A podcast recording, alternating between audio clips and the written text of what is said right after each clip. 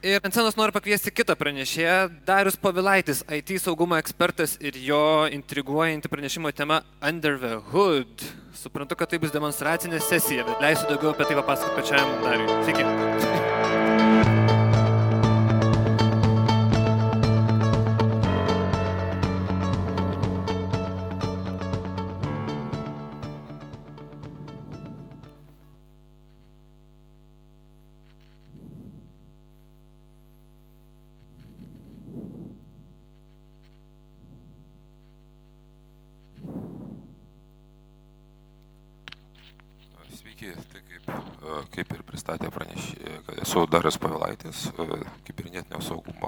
Srityje dirbu pakankamai seniai. Iš principo esu praktikas, taigi mano prezentacija vadinasi Under the Hood, tai yra kažkas tai, kas paslėpta. Pabandykime pasižiūrėti. Taigi, prasidėjus viruso pandemijai, masiškai vartotojai pradėjo dirbti iš namų. Tai kokiosgi iškilo e, pagrindinės problemos e, žmonėms? Tai yra iš principo e, interneto ryšio kanalai organizacijose, jie buvo praktiškai užimti šimtų procentų ir daugiau, nes dėl to, kad jie nebuvo numatyti tokiems rautams, nes vartotojų nuotolį, per nuotolį darbas pasikeitė labai drastiškai. Iš principo šis, šis persikelimas į, į namus, jisai sukėlė nemažai, e, tarkime, proceso, e, tarkim, tokių kaip e, saugumo pataisimų instaliavimas problemų. Tai yra, reiškia, jeigu tokius pataisimus nėra didelės problemos instaliuoti būnant įmonės vidinėme tinkle, tai, tai iš karto kyla didelė problema, jeigu tu esi kažkur tai nutolęs ir tuos instaliacijas tu turi daryti per tą kanalą, sakykime, santykinai nedidelį lyginant su įmonės vidiniu tinklu. Taigi e, taip pat visokiausios problemos, kurios e, liečia video, e, video transliacijas, būtent jeigu reiškia, tu nori visus, klien, visus vartotojus tam, kad užtikrinti jų saugumą siūsti per įmonės tinklą, tai trukdo iš karto video ir audio susitikimams. Taip pat, aišku, jeigu įmonė rūpinasi savo a, a, darbuotojų kompiuteriais, tai šie kompiuterius dažniausiai skanuoja. Tai taip pat yra tam tikras iššūkis šios kompiuterius skanuoti per nuotolį. Taip pat žmonės, kadangi visi buvo uždaryti, e, pradėjo e, vis daugiau ir daugiau e, naudoti e, e, online paslaugų ir taip toliau. Taigi, kokios galėjo būti čia problemos? E, Šios problemos, sakykime, e, kur buvo sukeltos e, tokios taigaus persikėlimo, jos e, sprendžiamas yra gana paprastai, tai yra, reiškia, tu turi e, pertvarkyti šiek tiek savo tinklus, procesus ir panašiai. E, Tame tarpe, e, tarkim, srautų apkrovimo problemą tu gali išspręsti naudodamas tokį dalyką kaip split tunnelingas. Tai iš principo e, viskas tvarko iš operacinės pusės, tačiau e, vartotojai praranda tam tikras papildomas apsaugas, kurias e, e, užtikrina įmonės apsaugos sistemos. Taigi čia nais yra tokie netiesioginės grėsmės, kurios e, yra iššauktos pa- pakeitimų e, infrastruktūroje. Ir yra arba buvo, tarkim, laikinos ir tikriausiai jas daugelis jau susitvarkė. Tačiau pasižiūrėkime į tiesioginės e, grėsmės. Taigi tie- tiesioginės grėsmės, kurios kyla e, vartotojams namuose, tai yra, kaip ir minėta, tikriausiai e, tai yra socialinės techninės atakos. Šios atakos šiuo metu yra vyraujančios. Taip pat techninės atakos, kaip buvo minėta Zoom. Taigi, socialinės techninės atakos. E, Dėl koronos e, masinis persikėlimas į e, bendradarbiavimo platformas įvyko. Ir Šios, šios platformos taip pat pritraukė daug hakerių dėmesio ir taip pat buvo aptikta mm, pakankamai rimtų saugumo spragų, spragų Zoom, pavyzdžiui. Taip pat tai buvo pakankamai nebloga, nebloga komunikacija apie šias spragas ir, sakykime, pats, sakysim, gamintojas šiuo atveju jis iš tiesų labai operatyviai tas spragas taisė. Taip pat kitos populiarios bendradarbiavimo platformos, kaip pavyzdžiui Office 365 ir Teamsai, negavo tokio didelio dėmesio. Tuo tarpu daugelis organizacijų, kurios naudoja Office 365, e, turi e, autorizacijos e, mechanizmą, kuris labai gali būti lengvai pažeidžiamas e, socialiniams techniniam atakoms. Ir kadangi žmonės, sakykime, iš tiesų buvo uždaryti ir turėjo pagrindę naudotis internetinėmis paslaugomis, ar tai būtų viešojo sektorius, ar tai būtų privataus, tai reiškia, tas dėmesys irgi pakankamai nemažas šioje srityje.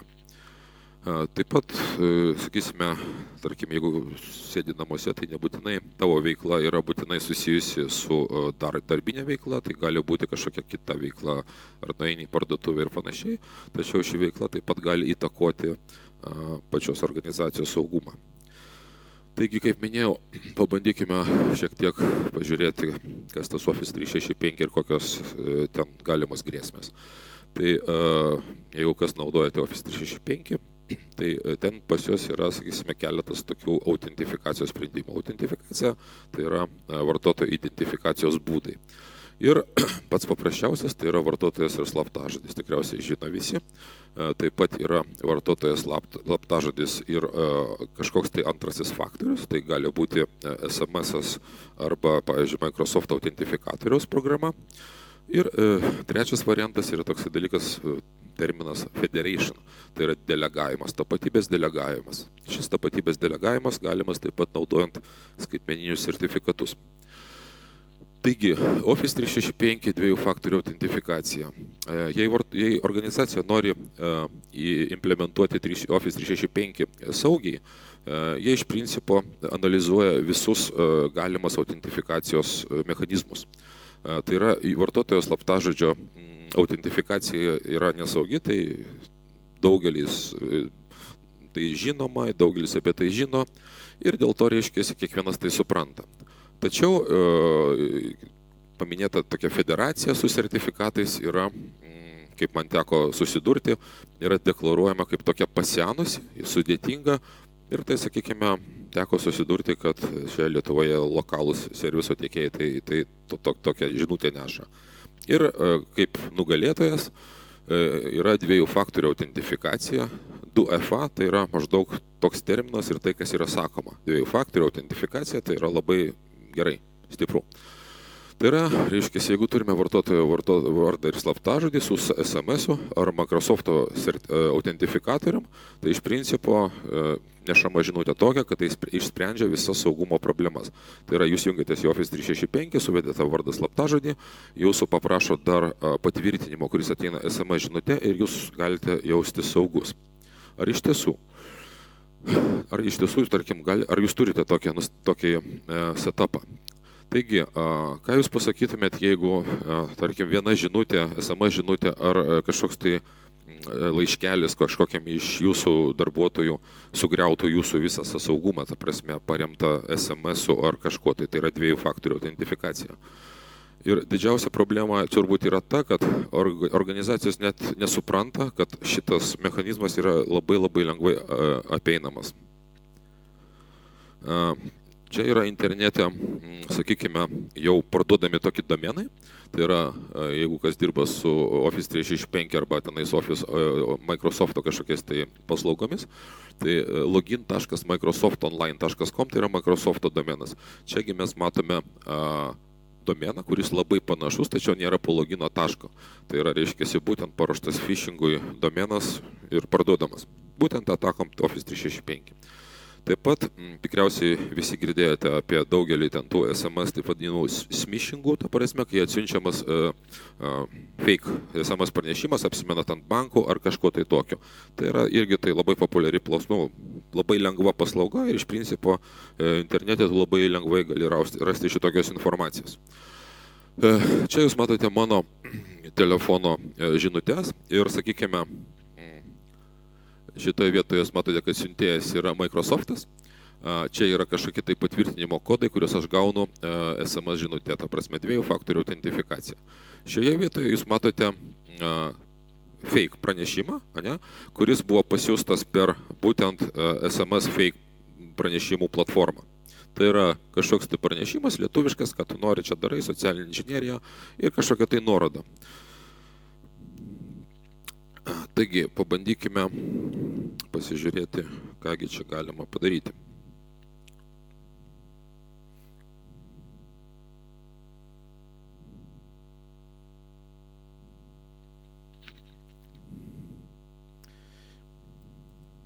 Tai yra, įsivaizduokime, kad gavome laiškelį ar SMS ir bandome uh, suspustelintame tą nuorodą. Tai kaip sakiau, ta nuoroda gali atrodyti labai panašiai į Microsoft'o, kadangi yra tokių dalykų.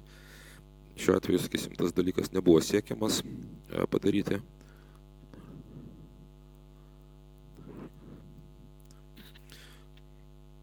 Tai yra, einame į Microsoft, ar ne? Tačiau, sakysim, bakstelėme nuorodą, mes gauname Microsoft prisijungimo langą, viskas kaip ir ok, vaizdelis yra panašus, spinelė yra. Vienintelis dalykas, kad čia yra kažkoks tai nuoroda biški kita, bet kas čia kreips dėmesį. Bandome jungtis.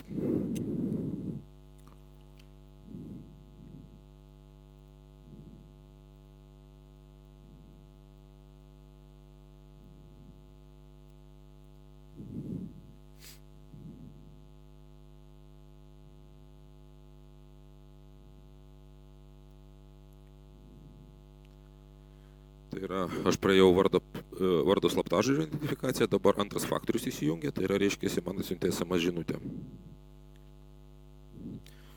Jeigu žiūrėtume čia nais, tai yra a, pilna kontrolė perimta, tai yra, reiškia, peradresacijos vyksta į kitus hostus. Tai yra skaidrus perjungimas, tai yra darbas tiesiai su, netiesiai, bet per tarpininką, kuris jūsų sesiją yra perėmęs. Bet dirba su Microsoftu viskas tvarkoje.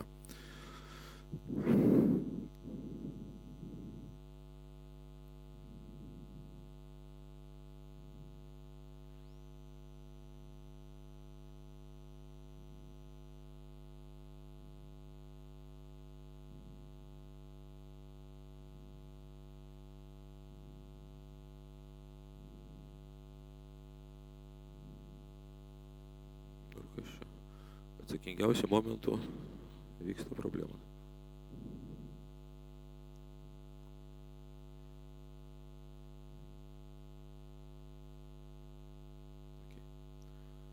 Parodė. Tai, tai va, viršuje jūs matote, tvarsme, tai yra standartinis ofiso langas su visomis paslaugomis. Ir čia mano dokumentai, kurie buvo redaguoti. Tačiau, sakykime, ką aš padariau, aš šiek tiek kitokią antraštę parašiau viršuje. Ką tai reiškia? Tai reiškia, kad jūsų visa sesija, viskas yra kontroliuojama ir kažkas kitas jau gali jums padėti dirbti.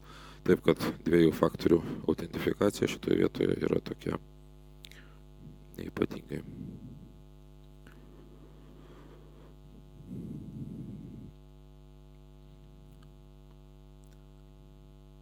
Taigi, tai šis, šis, ši ataka tai nieko nėra naujo iš techninės pusės.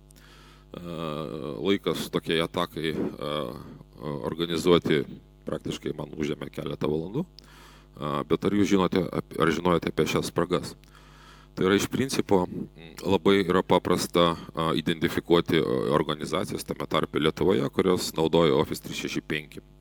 Ir po to sakysime, taip pat nėra sudėtinga, aišku, tiek paštu sužinoti, tiek, tiek jų telefonus, kadangi organizacijų dažniausiai telefonai eina nuosekliai, tai sužinojai vieną, tu gali bandyti pataikyti ir kitus. Ir paprasčiausiai tą ataką su, su, su, suorganizuoti. Esmė tokia, ar jūs yra, ar pakankamai yra vertinamos rizikos tada, kai įdėgiate kažkokią tai naują paslaugą ir ar e, jūs suprantate šias rizikas ir turite galimybę šias rizikas kontroliuoti. Taigi, e, irgi perbėgau labai trumpai per, per e, lietuvišką, per lietuvišką internetą. Keletas, keletas pavyzdžių. Tai yra, pavyzdžiui, Žemės ūkio ministerija, ryšių reguliavimo tarnyba, Klaipėdos rajonas, nu ir, sakykime, sveikatos apsaugos ministerija naudoja šitą mechanizmą ir, tiesą sakant, paprasčiau negu paprasta pamatyti, ar jie a, naudoja vulnerable, kaip pasakius, setupą, tai yra įsijungia į Microsoft'o tą Office.com, surinkė, tarkime, vartotojo paštą ir tada tu iš karto matai, ta prasme, jeigu tau tave siunčia, tau tavęs paprašo slaptažodžio, tu iš karto gali pasakyti, kad ši organizacija yra pažydžiama.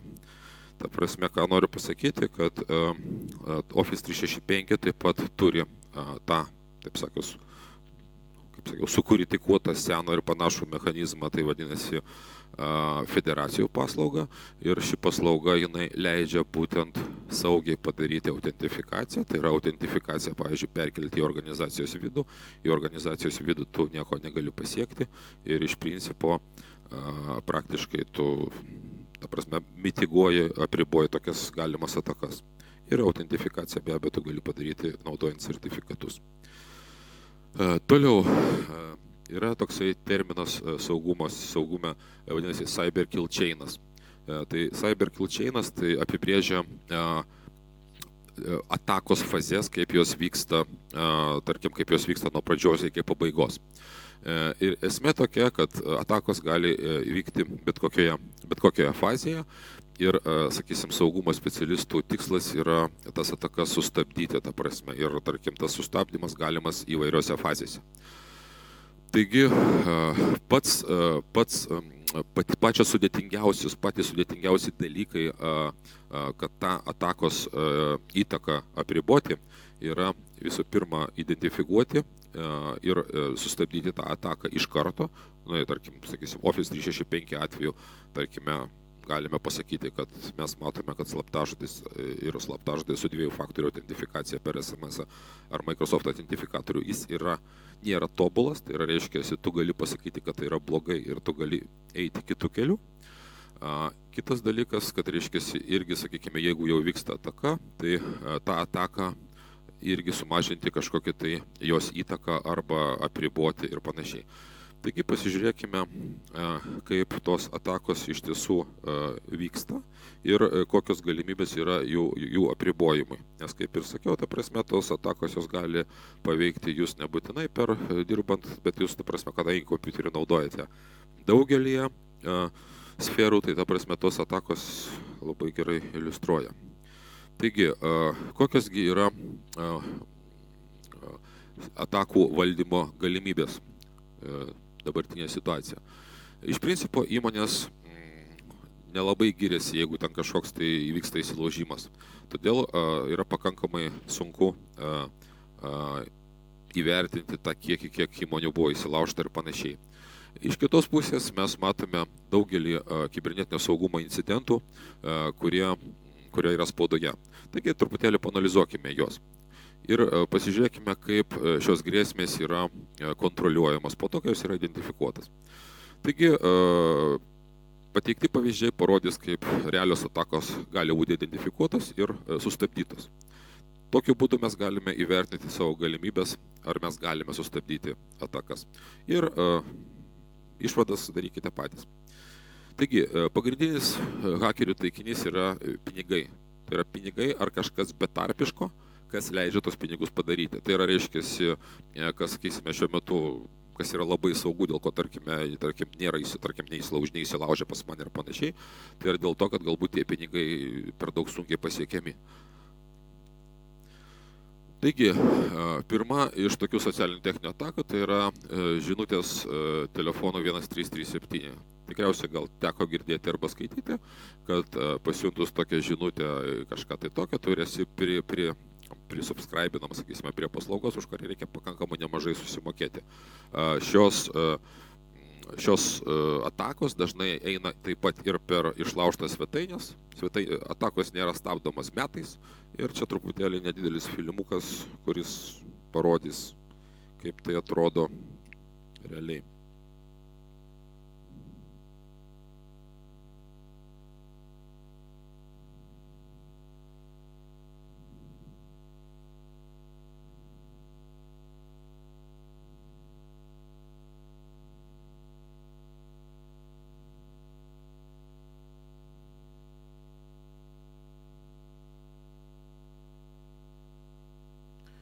Taigi, iš principo vartotojas eina į, atsiprašau, čia garso žodžiu nesigirdi. Taigi, tai.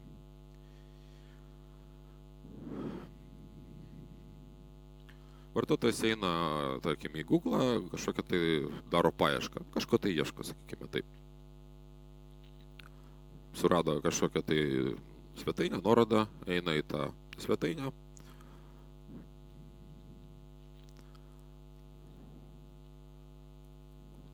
tarsi bandom ten kažką paspausti, iš karto atidaro naują, naują puslapį ir tave, tave reiškia, perkreipinė į kažkokį tai čeiną. Šiuo atveju, sakysime, nukreipė į Delfį, nes matomai kažkas tai nepatiko, sakykime, tam atakos, atakos organizatoriui. Grįžkime į pradinį puslapį ir dar kartą palieskime ekraną. Šį kartą nukreipia kažkur tai kitur, eina socialinė inžinierė, sako, kad jūs turite virusų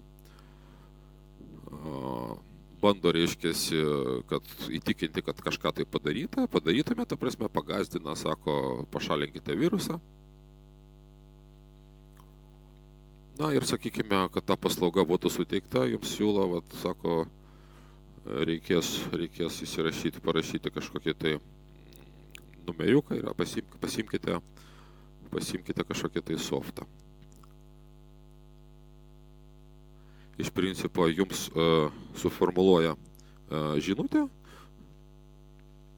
suformuluoja žinutę numeriu 1337, reiškia, tarsi kažkokį tai antivirusą, kadangi pas jūs yra nesauga ir to prasme nesaugu ir paprasčiausiai sako, pasiūskite šią, šią žinutę šio numeriu.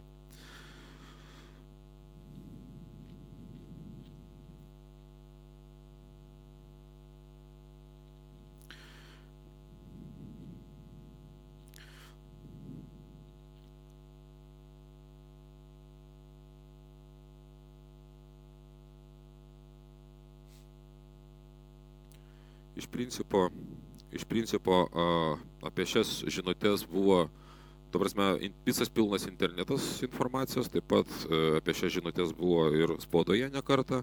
Tai yra čia šitoje vietoje mes matome, kad tai yra 2018 metai, taip pat birželio 10-20 metų iš principo galite atlikti paiešką, Google'e paieškokite 1337 SMS ir jūs matysite, kiek daug yra nusiskundimų iš vartotojų. Čia nuorodas į tos straipsnelius. Bet iš principo, kaip pasakius, ta situacija, jinai turbūt, kaip sakiau, darykite išvadas patys, ta prasme, kaip yra blokuojamas tos atakos, kiek yra skundų ir kaip yra viskas daroma, kiek yra operatyviai daroma.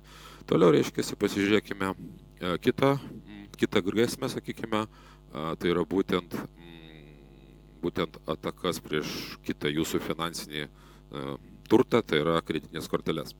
Šiuo atveju, sakykime, šiame straipsnėje yra informacija apie Kristianos įsilaužimą, tai yra viešai, ta prasme, tas dalykas buvo neigiamas, tačiau realiai, sakykime, vyksta tyrimas policijoje ir ten šiek tiek biški kita informacija.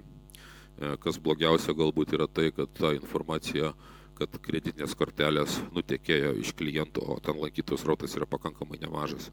Tai jinai, kaip pasakius, paplatinta ypatingai nebuvo. Taip pat yra labai nemažai ir buvo labai nemažai svetainių visokiausių, kur tu nueini ir tave per visokias socialinės inžinierijas bando įtikinti, atiduoti kažką tai tavo pinigus ir panašiai. Šitoje vietoje matome irgi taip pasakius labai neseną įsilaužimą į bendrosios pagalbos centrą, tai yra numeris 112 svetainė. Šioje vietoje jie taip pat norėtų papildyti kreditinės, gauti informacijos apie kreditinės kortelės, tiksliau ne jie, o tie, kas kontroliuoja tą svetainę. Tai a, iš principo tokių atakų iš tiesų yra nemažai ir a, kągi galima būtų, tarkim, padaryti. Tam tikrais atvejais, sakysime, a, šios atakos gali būti sustabdytos labai paprastai. Šiuo metu, sakykime, vienas iš Lietuvoje esančių e, didžiausių kreditinių kortelių vagiančių botnetų labai paprastai gali būti sustabdomas, užblokuojant e, tam tikrus adresus. Tai yra, čia nais jūs matote, o, šiek tiek yra paslėpta, bet tai yra lietuviškos kažkokios tai svetainės. Čia jų yra IP adresai lietuviški ir čia yra aptikimo laikas reiškiasi, kada aptiktas įsilaužimas. Tai vat, jeigu žiūrėtume, čia pakankamai dažnai čia yra, tam, turiu tam tikras sistemas, kurios aptinka.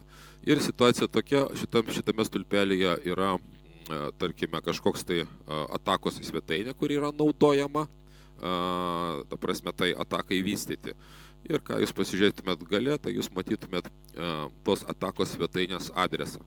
Tai čia viskas yra labai, kaip pasakius, panašu, kaip matosi, tai yra visiškai tas pats tinklas, tačiau tik taip pat pats galas skiriasi. Tai reiškia, norint sustabdyti būtent šitą botnetą, tai yra, nu, turbūt paprasčiau nebūna, tai, tai reikia užblokuoti, tarkim, šitą tinklą išėjimą iš Lietuvos. Ką aš noriu pasakyti, dėl to, kad, ta prasme, tai yra iš tiesų galima, manyčiau, padaryti, dėl to, kad šiuo metu yra blokuojamos, ta prasme, neteisėto investavimo svetainės, ta prasme, kažkokios tai lošimų svetainės, tai daro tiek Lietuvos bankas, tiek lošimų priežiūros komisija, tai aš nematau problemos, kodėl tai nėra daroma, ta prasme, labai suprantu, kodėl tai nėra daroma, sakysime, būtent tokiuose srityse. Taip, čia yra kaip tos pačios nuorodos, Toliau pasižiūrėkime, atkreipkime dėmesį į viešojo sektoriaus arba finansinio sektoriaus atakas. Karantino periodu žmonės buvo priversti naudoti vis daugiau ir daugiau paslaugų. Kitas dalykas, kad kitaip tikriausiai dažnai ir net negalėjo pasinaudoti. Tai yra, tai buvo tiesa tiek public paslaugom, tiek finansiniam paslaugom. Viskas perėjo į online, kas galėjo perėti. Ir tikriausiai ne vienas esate girdėjęs apie atakas pasinaudojant Smart ID, mažiau gal tikriausiai girdėta apie M parašą, tačiau šios atakos buvo, sakykime, paveikė, sakykime, tikrai nemažai kiekį vartotojų ir tikrai nemažai vartotojų gavo kažkokių tai bandymų juos atakuoti. Tai yra, ši problema, jinai buvo akivaizdi problema jinai egzistavo prieš akis gulėjo keletą metų. Iki tol, kol jos nepradėjo eksploatuoti hakeriai. Kitas dalykas, kad net ir problemą identifikavus, sakysime, problemos taisymas buvo labai lėtas. Iš kitos pusės, jeigu jau kažkas tai nutiko, kažkas tai pradėjo, kažką tai užpuolė ir ta prasme kažkas prasidėjo, nu tada jau pradeda žmonės dirbti, ta prasme iki paskutinio momento yra laukiama. Taigi visų pirma, ataka buvo nutaikyta prieš bankus, kaip ir minėjau, eina prie pinigų, tiksliau ne visai prieš bankus, o prieš bankų vartotojus. Dėl neteisingo autentifikacijos mechanizmo implementacijos taip pat visa e-valdžia buvo paveikta. Tai yra e-valdžia naudoja vartotojo tapatybės identifikavimo, sakysime, tą patį banką, o banke turime šitą problemą, tai reiškia, ta problema automatiškai transportuojama į valdžią. Taigi, sakykime, apie problemą ir apie jos visus niuansus buvo, kaip pasakius, paviešinta prieš pusę metų, tai yra apie naujus metus, tai jau daugiau negu pusę metų. Ir e, valdžia, sakysime, iki neseno momento dar buvo pažeidžiama ir tikėtina, kad gal iki šiol yra pažeidžiama, netikrino paskutiniu metu. Kitas dalykas, tam tikros organizacijos buvo labai greitos spręsti šitą problemą, tai yra pakankamai rimtai atsižvelgia kaip registrų centras, tam tikros organizacijos iki šiol šią problemą turi. Tai yra čia truputėlį straipsnelis iš uh, 15 minučių, būtent iš uh, SEB banko, ta prasme, tikriausiai visi pamenat, kas tai buvo. Uh, ir kokiagi tai, kokiagi tai buvo problema. O problema buvo tokia, kad, sakykime, jungiantis vartotojui prie kažkokios tai paslaugos, vartotojo buvo prašoma suvesti kažkokį tai kodą, vieną kodą. Vienas kodas tai yra iš karto pagal saugumo, sakysime, tam tikras metodologijas, tai yra vartotojo identifikatorius, vartotojo, sakykime, vardas.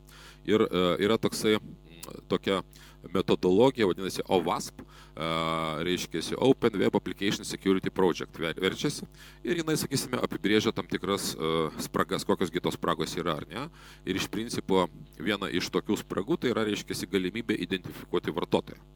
Tai jeigu tavo vartotojo identifikatorius yra, pavyzdžiui, šeši, šešių ar septynių simbolių skaičius, Tai a, ir daugiau tam nieko nereikia, ta prasme, tu įvedi tokį skaičių ir pas kažką tai, pas kažkokį žmogų iššoksta patvirtinimo pranešimas, sakykime, pas, pagal Smart ID, tai, nu, akivaizdu, kad ta spraga buvo pačioje, pačioje iš karto sistemos paleistos su spraga.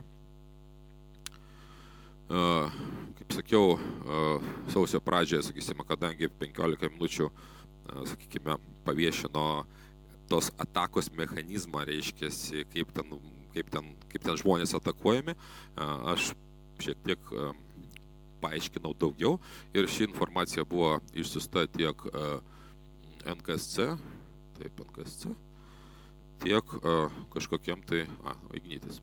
O ir dar nemažai įstaigų. Taigi, pabandykime pasižiūrėti, kokią turime situaciją dabar.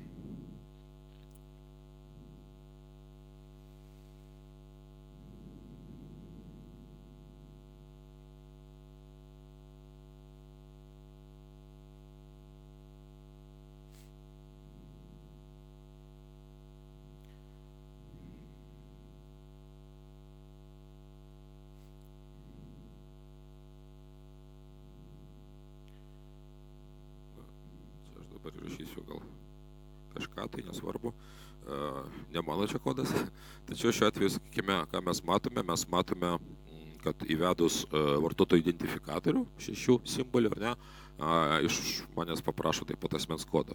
Tai yra, reiškia, prieš tai atakavo tai, kad tu įvesdavai skaičių, ar ne, ir jeigu tą skaičių, tarkim, galėjo vesti robotas, kuris, kuriam turbūt ne problema perbėgti per milijonus tų, e, reiškia, skaičių, tai ataka galėjo būti iš tiesų masinė. Taigi čia turime kaip ir teisingą realizaciją.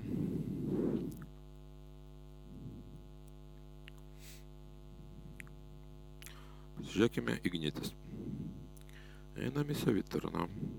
Taip, su Ignitis savitarna paštas slaptažodis, taip, čia vardo paštas slaptažodis 2, kažkokie tai atributai, mobilus parašas, taip pat metame telefonas, asmens kodas, vėl ta prasme sunku automatizuoti šitą dalyką, turim Smart ID.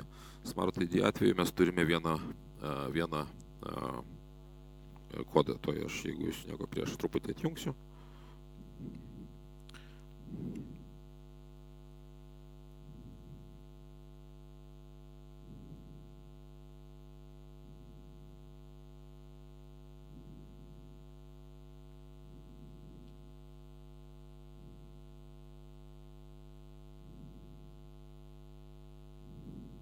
Nu, va, ta prasme, aš suvedžiau asmens kodą, manęs paprašė įvesti uh, Smart ID patvirtinti.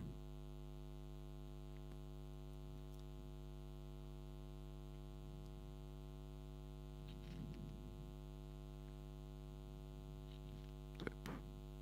Kas čia tokio?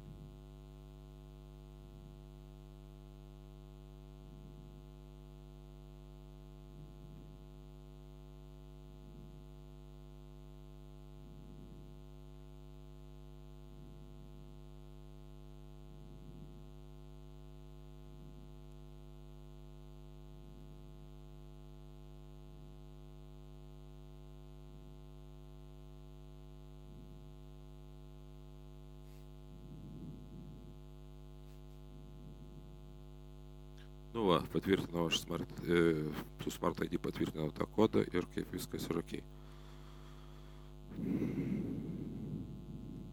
Ta prasme, šioje vietoje, sakykime, tam tikros, tam tikros reiškiasi a, paslaugos, jos yra iki šiol, sakykime, tarkim, pažeidžiamos gali būti.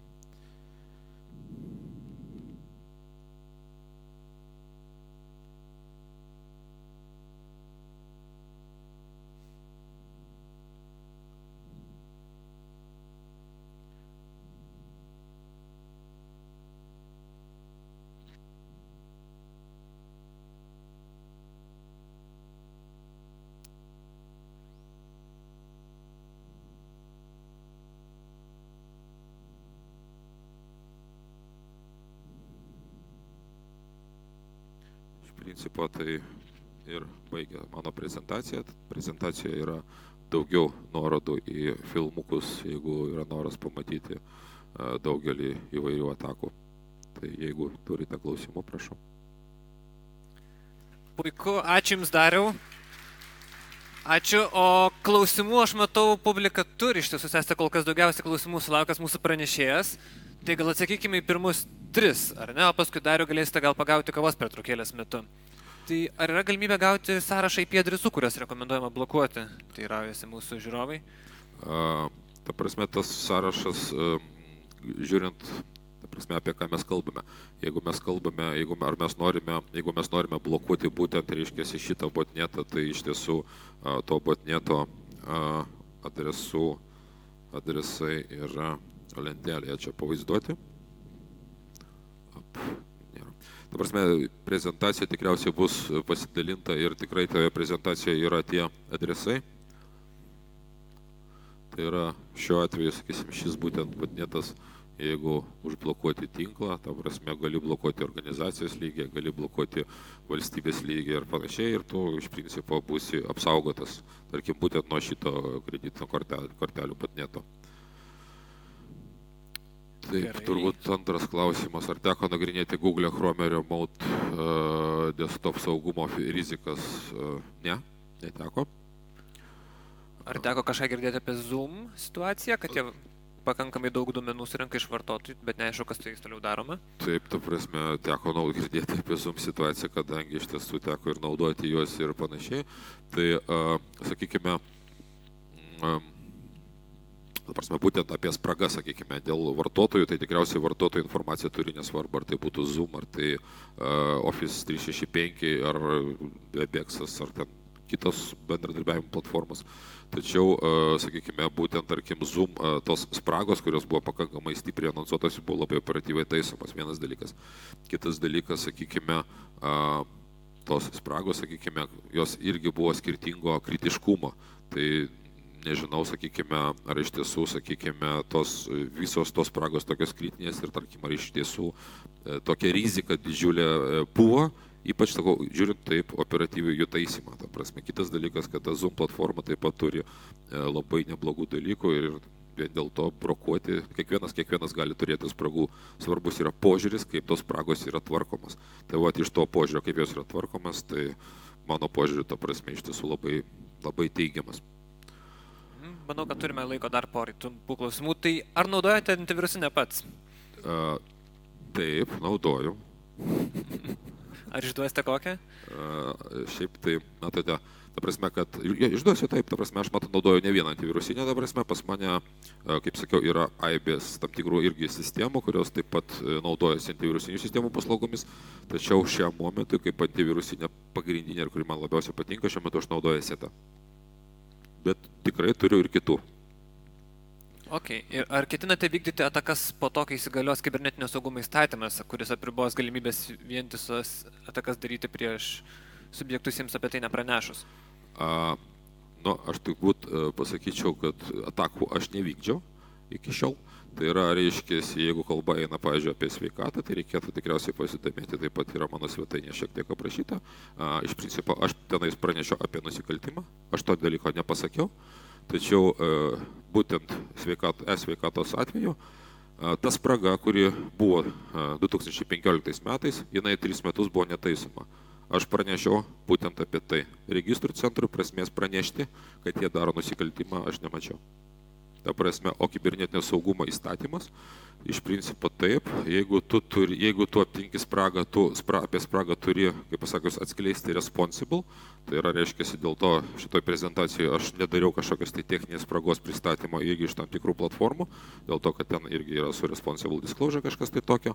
Tai čia vienas dalykas. Kitas dalykas, atskirkime, kas yra saugumo spraga ir kas yra problema, kai, pavyzdžiui, įvyksta, kai yra įsilaužimas, ar ne? Įsivaizduokite, įsilaužė į parduotuvę, pavogė jūsų duomenys, ar ne? Tai šitoje vietoje reakcija turi būti. Kiek jūs pastebėjote reakcijos, sakysime, pas mus, ta prasme, įsilaužė į tą pačią Kristijaną, ar ne? Ar kažkoks pranešimas buvo vartotojams, kad žmonės, žiūrėkit, jūsų kreditinės pavogė. Ta prasme, tai aš manyčiau, kad šitoje vietoje reakcija būtina ir, sakykime, kaip mano praktika rodo, reiškia, valstybinės institucijos jos nedaro. Taip kad post factum, ta prasme, tai iš principo tai yra įsilaužimo stabdymas. Tvarkoj. Ar norite į toliau per klausimus? Matau rankų nemišką. Gal paskutinį, dėl įskimingo botneto. Ar teko kreiptis į tam tikras institucijas? Ir jeigu taip, kaip yra argumentuojama problema? Tarkime, sakykime taip, aš tą informaciją, kurią paskelbiu, aš duodu ir NKSC dažniausiai, bet iš tiesų, sakykime, turbūt didžiausia problema tokia, kad iš jų responso, kaip visas dalykas vyksta, nu, nebūna.